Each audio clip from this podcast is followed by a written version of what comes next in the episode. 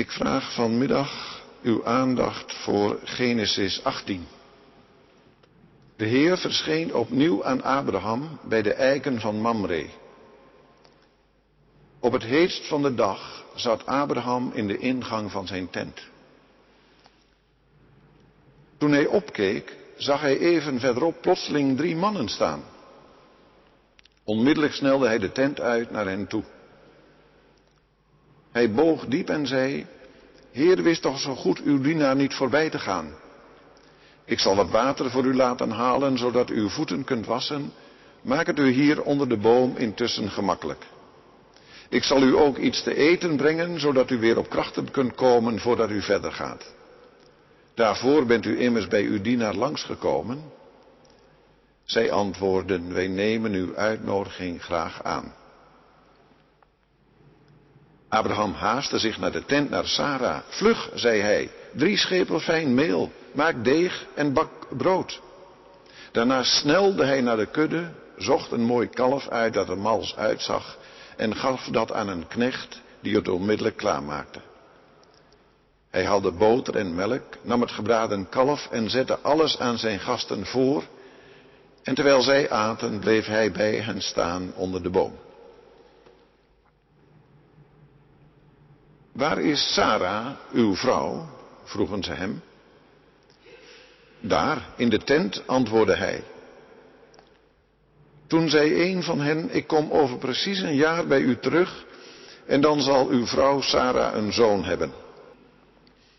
Sarah, die in de ingang van de tent stond, achter de man, hoorde dat.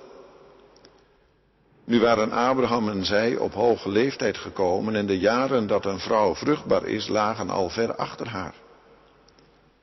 Daarom lachte ze in zichzelf. Zou de liefde voor mij dan nog weggelegd zijn, dacht ze? Ik ben immers verwelkt en ook mijn man is al oud. Toen vroeg de Heer aan Abraham, waarom lacht Sarah? Waarom vraagt ze zich af of ze op haar leeftijd nog wel een kind ter wereld kan brengen? Is ook maar iets voor de Heer onmogelijk? Op de vastgestelde tijd, over precies een jaar, kom ik bij je terug en dan heeft Sarah een zoon. Geschrokken ontkende Sarah, ik heb niet gelachen. Maar hij zei, ja, je hebt wel gelachen. Toen de mannen weer verder gingen, lieten ze hun blik op Sodom rusten.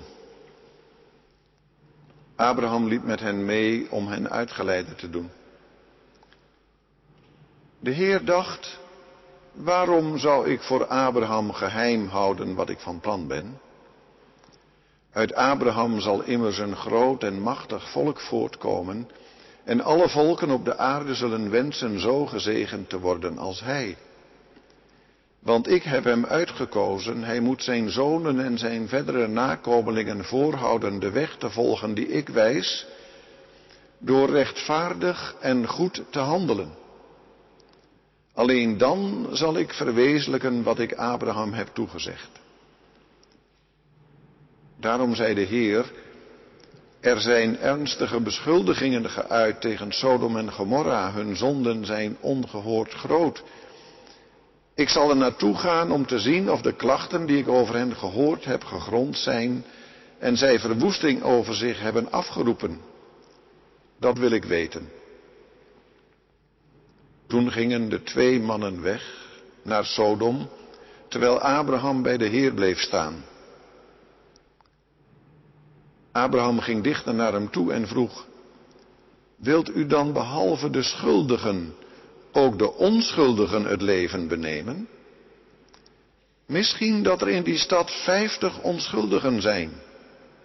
Zou u die dan ook uit het leven wegrukken en niet de hele stad vergeving schenken omwille van die vijftig onschuldige inwoners? Zoiets kunt u toch niet doen, hen samen met de schuldigen laten omkomen? Dan zouden schuldigen en onschuldigen over één kam worden geschoren. Dat kunt u toch niet doen? Hij die rechter is over de hele aarde moet toch rechtvaardig handelen? De Heer antwoordde, Als ik in Sodom vijftig onschuldigen aantref, zal ik omwille van hen de hele stad vergeving schenken. Hierop zei Abraham, nu ik eenmaal zo vrij ben geweest de Heer aan te spreken, hoewel ik niets dan stof ben, stel dat er aan die vijftig onschuldigen vijf ontbreken. Zou u dan toch vanwege die vijf de hele stad verwoesten?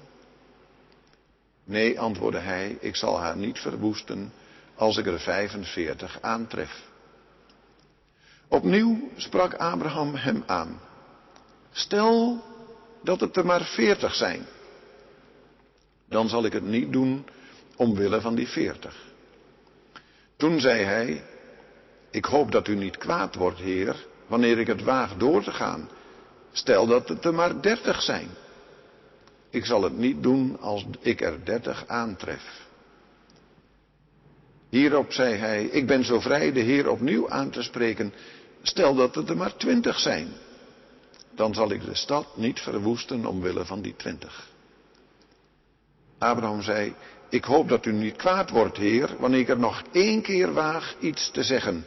Stel dat het er maar tien zijn. Dan zal ik haar niet verwoesten omwille van die tien. Zodra de Heer zijn gesprek met Abraham had beëindigd, ging hij weg. En Abraham keerde terug naar de plaats waar hij woonde. De laatste schriftlezing is uit Jesaja 59. We hebben in Genesis 18 gehoord dat recht en gerechtigheid een belangrijke rol spelen en God daarnaar op zoek is en dat wil schenken. En dan kun je je afvragen, komt het dan wel goed in de geschiedenis van het volk Israël? Nou, we lezen nu een gedeelte uit Jesaja 59 ten tijde van de ballingschap. Het volk is weggevoerd naar Babel, tempel verwoest, koningschap is een einde aangekomen. Dus het ziet er heel beroerd uit en dan klaagt het volk of God wel zal horen en hen wel kent. En dan zegt Jesaja dit. Jesaja 59 vers 1 en 2 en dan lees ik verder vanaf vers 16. De arm van de Heer is niet te kort om te redden, zijn gehoor niet te zwak om te luisteren. Jullie wangedrag is het dat jullie en je God uit elkaar heeft gedreven. Door jullie zonden houdt hij zich verborgen en wil hij je niet meer horen. En dan vers 14. Het recht is verdrongen. En de gerechtigheid blijft, van, blijft ver van ons. De waarheid struikelt op straat. En de oprechtheid krijgt nergens toegang. Zo laat de waarheid verstek gaan. En wie het kwaad wil mijden, wordt uitgebuit. Maar de Heer zag het. En het was slecht in zijn ogen dat er geen recht meer was. Hij zag dat er niemand was. Hij was geschokt dat niet één mens zijn zijde koos. Op eigen kracht bracht hij redding. En zijn gerechtigheid spoorde hem aan. En dan vanaf vers 20. Hij zal als bevrijder naar Sion komen naar allen uit Jacobs nageslacht die met de misdaad breken, spreekt de Heer. Dit verbond sluit ik met hen, zegt de Heer, mijn geest die op jou rust, en de woorden die ik je in de mond heb gelegd, zullen uit jouw mond niet wijken, nog uit de mond van je kinderen, nog uit de mond van je kindskinderen, van nu aan tot in eeuwigheid, zegt de Heer. Gemeente van onze Heer Jezus Christus, als je Genesis 18 goed tot je door laat dringen, dan moet je denk ik toch wel constateren dat de vertelkunst van de Bijbel van een heel hoog niveau is. Wat we echter bij die verhalen uit de Bijbel wel in de gaten moeten houden, dat zijn de subtiele dwarsverbindingen. Vaak is het zo dat we de losse verhalen onthouden en de kinderen kennen die verhalen wel over Kain en Abel over Noach en de zondvloed. de roeping van Abraham enzovoort. Maar vergis je niet, in die verhalen, als je de verhalen leest en tot je door laat dringen, worden ook lijnen getrokken. Worden thema's aangeroerd. Je zou zelfs kunnen zeggen dat er in die verhalen ook theologische gedachten worden ontvouwd. Dat zit in de verhalen en ook in de compositie van de teksten. In die verhalen komt de verhouding tussen God en zijn schepping, tussen God en de mensheid en ook het verhouding tussen God en het verbondsvolk, het volk Israël, tot leven. En dan gaat het niet alleen maar over de geloofservaringen van mensen, maar er zit ook een heel stukje geloofsdoordenking in. En je moet ook nauwgezet lezen om de bedoelingen te ontdekken. Vanmiddag vraag ik uw aandacht voor het gesprek tussen God en Abraham. Eerst even het tafereel. Abraham zit in zijn tentopening en het is een bloedhete dag. Andere dagen dan zoals vandaag. Het is meer zoals in de zomer bij ons toen het snikheet was. De zon staat hoog aan de hemel. Gelukkig is er een beetje schaduw bij het eikenbos van Mamre. Abraham zit, zo stel ik me voor, wat te mijmeren over de woorden van God. God zal hem zegenen. Ja, ja, God zal hem uitermate vruchtbaar maken, een vader van vele volkeren. Maar ja, denkt Abraham bij zichzelf, dan moet er toch nog wel een wonder gebeuren. Sarah en ik, we zijn al op leeftijd gekomen ondertussen. Menselijkerwijs gesproken zijn we veel te oud om nog kinderen te krijgen. En denkt Abraham, zou dan misschien neef Lot de familielijn moeten voortzetten? Of een van de hoofdknechten misschien? En ineens, ineens kijkt Abraham op in het felle zonlicht. Ziet hij het goed? Er staan ineens drie mannen voor hem. Hij komt snel overeind en hij haast zich naar het hoge bezoek. Hij maakt een diepe buiging en hij zegt, het is nu veel te heet om door te lopen, gun je vermoeide voeten wat rust. Kom hier in de schaduw onder de boom en rust even uit. Ik haal vers water en brood en dan kunnen jullie op krachten komen en daarna weer verder reizen. Een en al Oosterse gastvrijheid. Dat was onderdeel van het sociale leven, gastvrij iemand ontvangen. En dat sociale leven en die gastvrijheid en die samenhang, dat is een groot goed in een samenleving. Niet alleen maar ikke, ikke en ieder voor zich, maar ook omzien naar elkaar. En je ziet dan in dit verhaal dat er ineens een enorme bedrijvigheid op gang komt. Iedereen haast zich om de maaltijd te bereiden. Er wordt brood gebakken, een kalf geslacht en bereid voor de maaltijd en er is boter en melk. Er wordt een rijk gevuld middagmaal geserveerd straks. De drie mannen zitten onder de boom. Er werd toen liggend gegeten. En er staat nadrukkelijk bij dat Abraham staat. Dat was gebruikelijk. De gastheer staat en is als het ware klaar om de gasten te bedienen. En dan dan ontstaat er een gesprek. Waar is uh, Sarah, uw vrouw? Oh, ze is in de tent hierachter. Kennelijk dichtbij, want vanuit de tent kan Sarah het gesprek goed volgen. En opnieuw neemt dan een van die personen het woord en zegt, op de bestemde tijd, over een jaar kom ik terug en dan zal Sarah een zoon hebben. Een zoon? een zoon. Abraham ligt er wel eens wakker van. Het is een beloofd, ja. Ik zal u uitermate talrijk maken, heeft God gezegd. Jazeker, jazeker, en op God mag je vertrouwen. Maar menselijkerwijs gesproken is de tijd om kinderen te krijgen echt wel voorbij. Op de achtergrond heeft Sarah het gesprek gevolgd. Tja, denkt ze, die bezoeker heeft kennelijk geen idee hoe oud we ondertussen al zijn geworden. Ik ben al in de overgang geweest. En Abraham is ook geen jonkie meer. Ze lacht in zichzelf en ze denkt, zal ik nog liefdesgenot hebben? Een onstuimig liefdeleven met als gevolg dat ik zwanger raak? Vruchtbaarheid, dat ligt toch al ver achter ons. Ik ben ondertussen een oud besje geworden. Sarah gelooft er niet meer in. Het zou mooi geweest zijn, denkt ze bij zichzelf, maar die belofte van God is eigenlijk een lachertje geworden. En gemeente, op dat moment, op dat moment wordt in de tekst eigenlijk duidelijk dat die drie mannen geen toevallige bij, voorbijgangers zijn.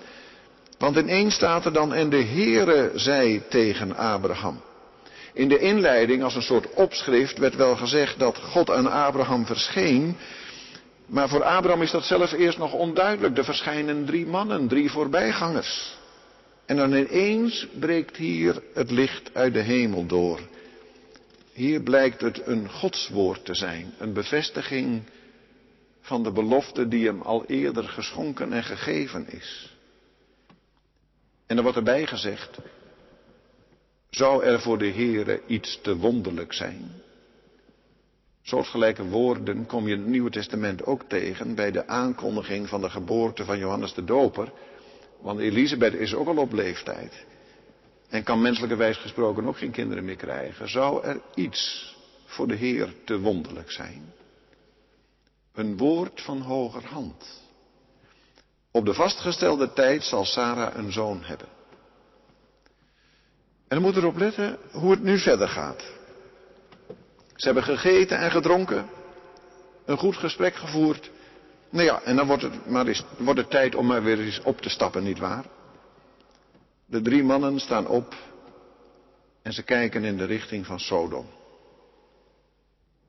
Die kant gaan ze kennelijk op. Abraham doet uitgeleide en loopt een eindje met ze mee. U weet ook wel dat je al lopen soms ineens tot een goed gesprek komt. Je hebt visite gehad, je loopt met iemand mee naar de auto of naar de bus. En dan ineens kom je al lopen tot een goed gesprek. En duurt het even voor je afscheid van elkaar neemt. Hier komt het initiatief van een van de drie mannen. En het blijkt uit het verhaal dat het opnieuw de stem van God is. En er ontstaat een wonderlijk vertrouwelijke sfeer. Je krijgt de indruk, en zo staat het er ook, dat God bij zichzelf te raden gaat en zegt eigenlijk hardop dingen die hij van binnen overweegt. Hij loopt eigenlijk te mijmeren en hardop te praten. Waarom zou ik voor Abraham geheim houden wat ik van plan ben? Wonderlijk, hè? God neemt de aartsvader in vertrouwen. Je zou kunnen zeggen, Gods verborgen omgang vinden zielen waar zijn vrees in woont. En die motivatie van God om dit te doen is veelzeggend. God denkt bij zichzelf, en dat staat er zo, God denkt bij zichzelf, Abraham zal zeker tot een groot en machtig volk worden. Ja, meer nog, alle volken van de aarde zullen in hem gezegend worden. God ziet als het ware voor zich dat zijn zegen in de lijn van Abraham tot alle volkeren zal komen.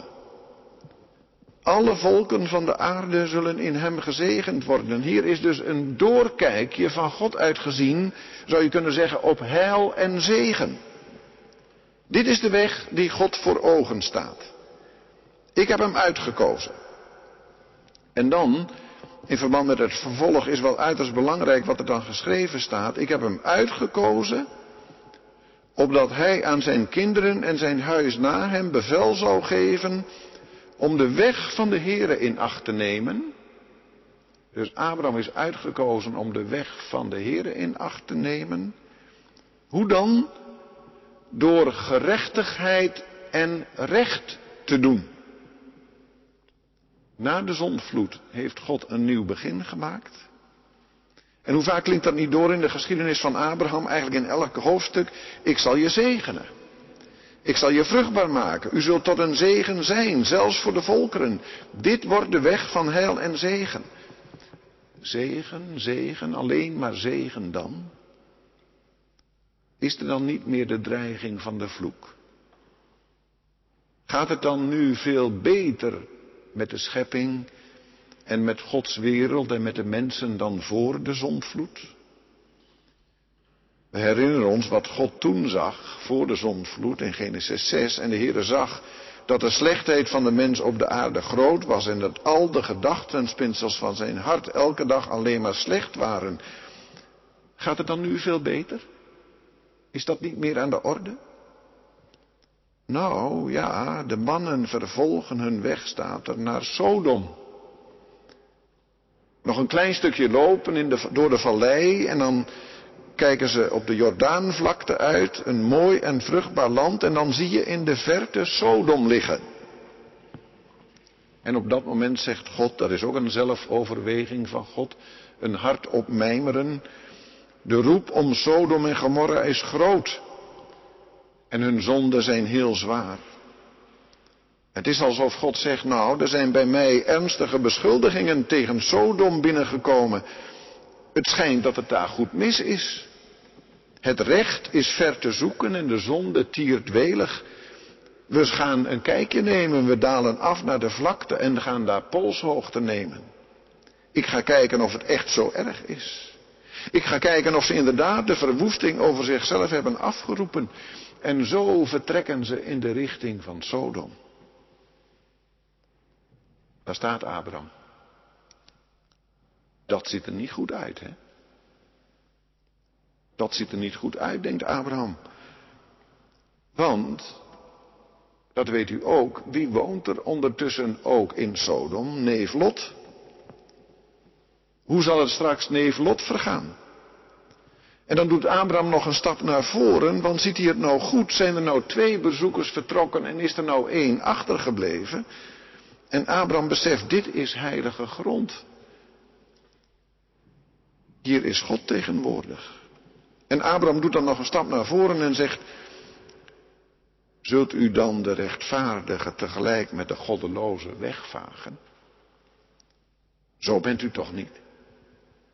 Misschien zijn er in de stad vijftig rechtvaardigen.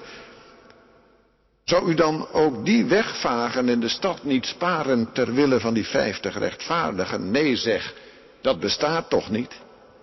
Er is toch geen sprake van dat u de rechtvaardigen samen met de goddelozen dood. Zo bent u toch niet? U gaat toch niet alles over één kam scheren?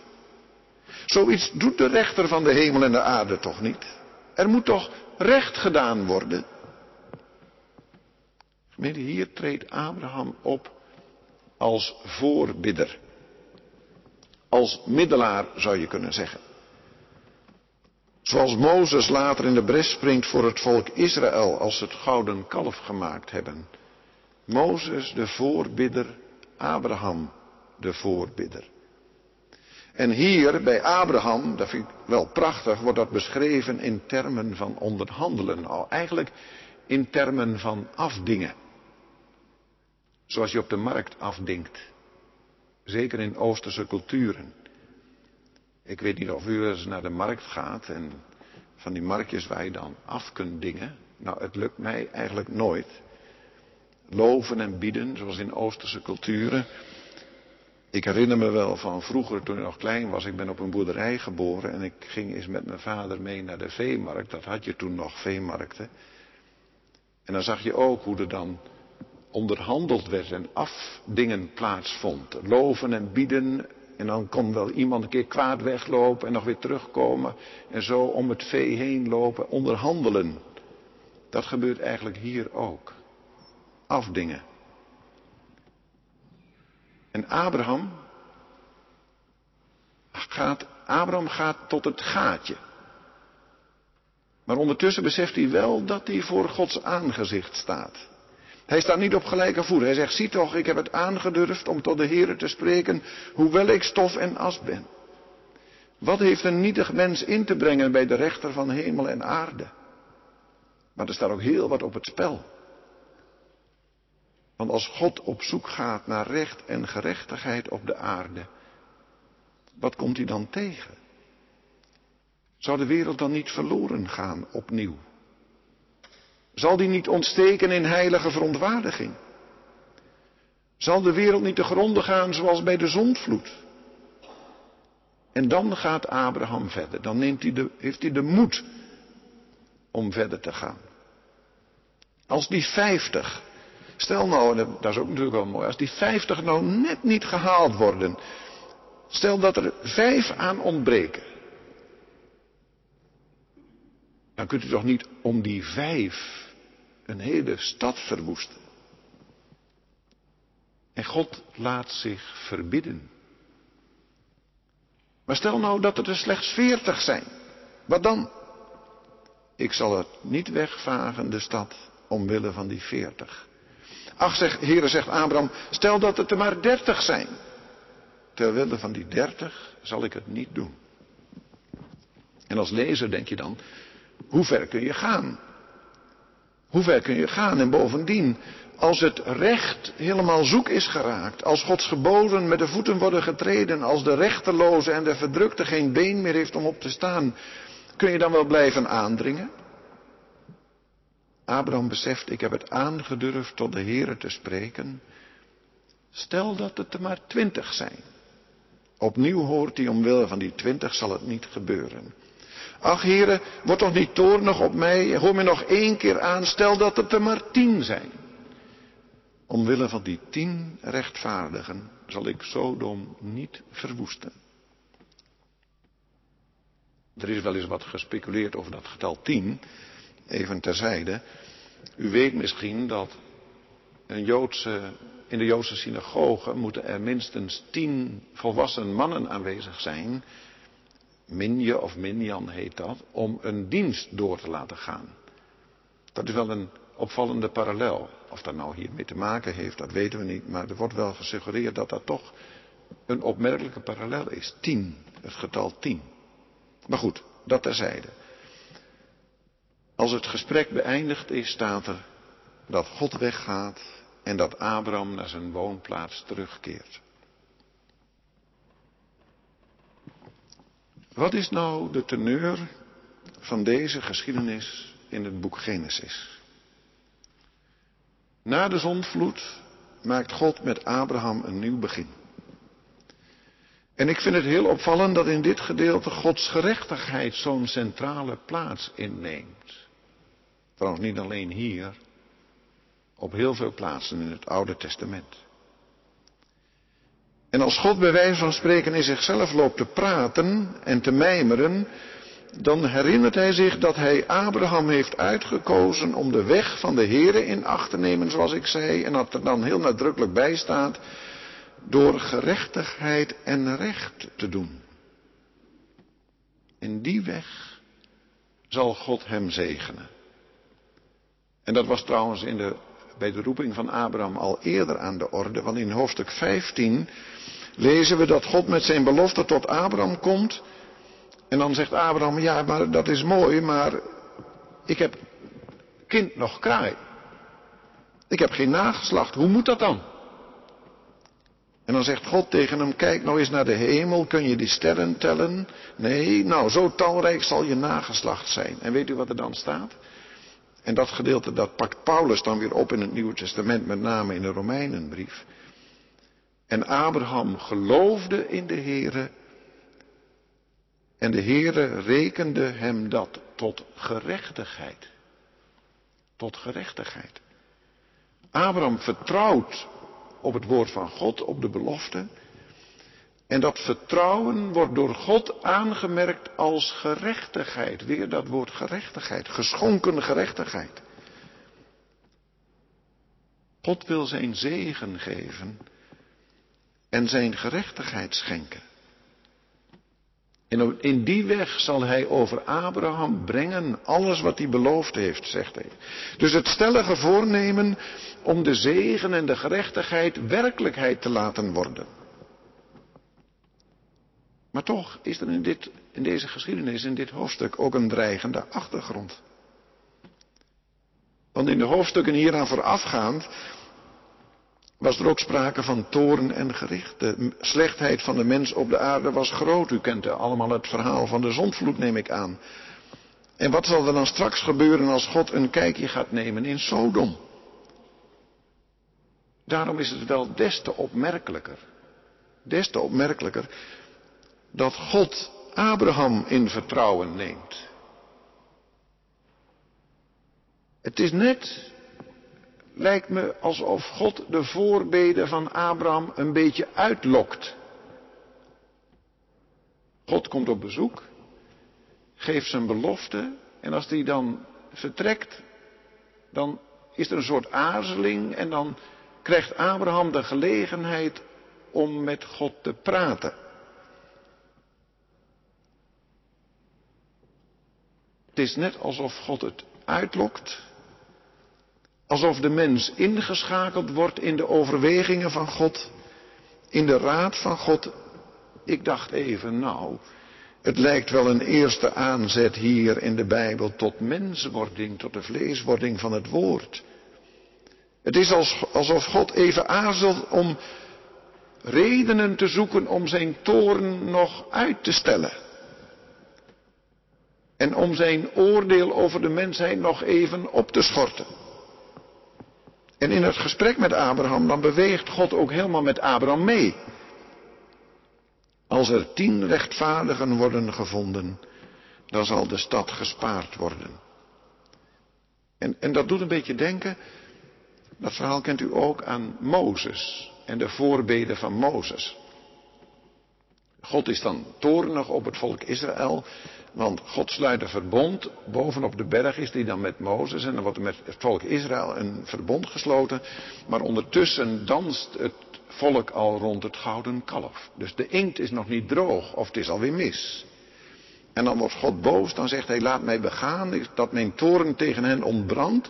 En juist door uiting te geven aan die woede, springt Mozes in de bres.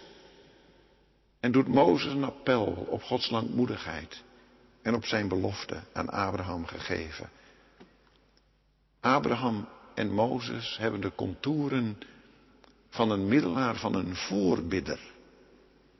Mozes nog het meest, want aan het eind van het boek Deuteronomium staat, er is in Israël geen profeet meer opgestaan zoals Mozes, die de Heere kende van aangezicht tot aangezicht.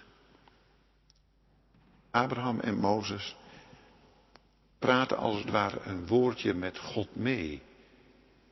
In het zelfberaad van God. Maar goed, is het nu zo dat het in de weg van Abraham dan vanzelf goed kwam met die gerechtigheid? Treft Gods toren alleen de zondige wereld met Sodom en Gomorra dan als toonbeeld van slechtheid? Is het verbondsvolk wel de weg van de gehoorzaamheid gegaan? En gaan wij als kerk wel de weg van de gehoorzaamheid? De profeten weten wel beter. Zoals Mozes al zei, het volk van God is een halstarrig volk.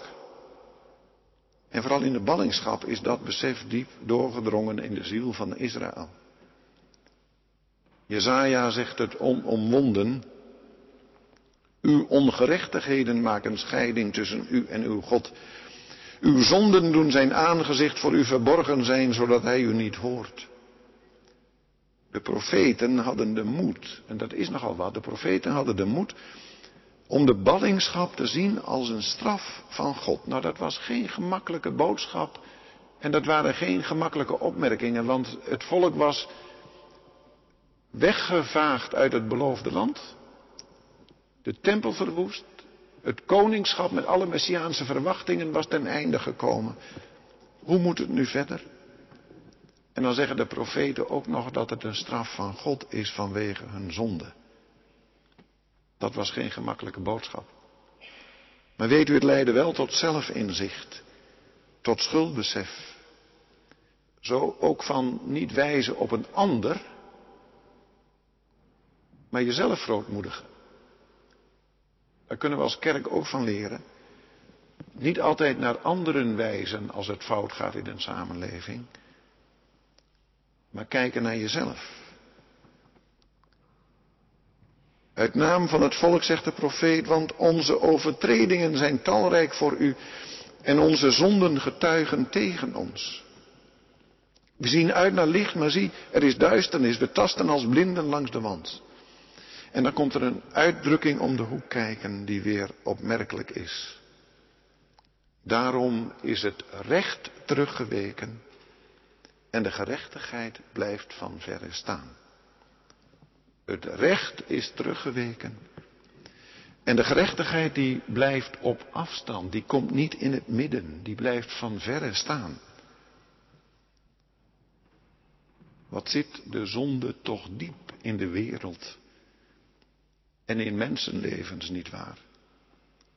Wat is het toch moeilijk voor de mensheid om over de zonde te heersen, om de zonde geen voet aan de grond te geven?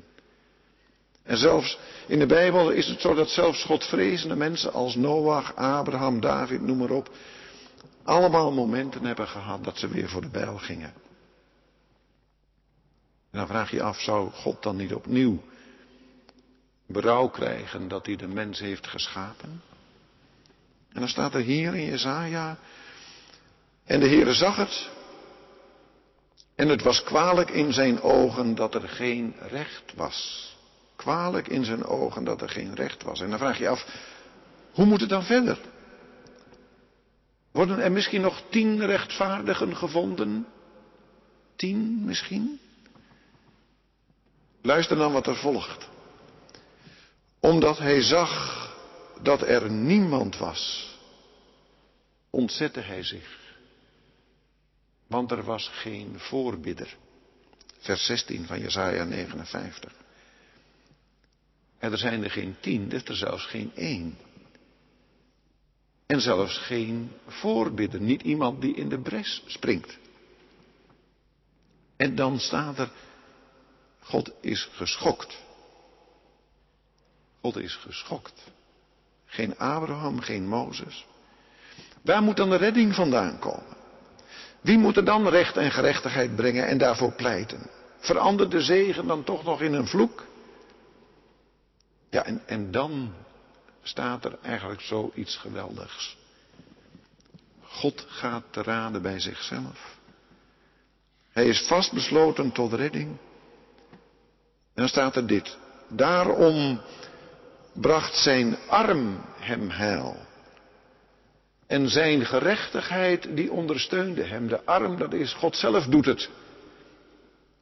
En zijn gerechtigheid komt van binnenuit, vanuit God zelf. God is vastbesloten om de belofte aan Abraham tot vervulling te brengen. En dan wordt er in Jezaja ineens een sluier weggenomen. En dan staat er, en naar Sion zal een verlosser komen, voor wie zich in Jacob van overtreding bekeren, spreekt de Heere. Er komt een verlosser. En de verlosser is gekomen. Jezus Christus. Onze Heer en Heiland. we kunnen allerlei lijnen trekken naar het Nieuwe Testament, ga ik nou niet meer doen. Het heeft nou lang genoeg geduurd, de preek, denk ik.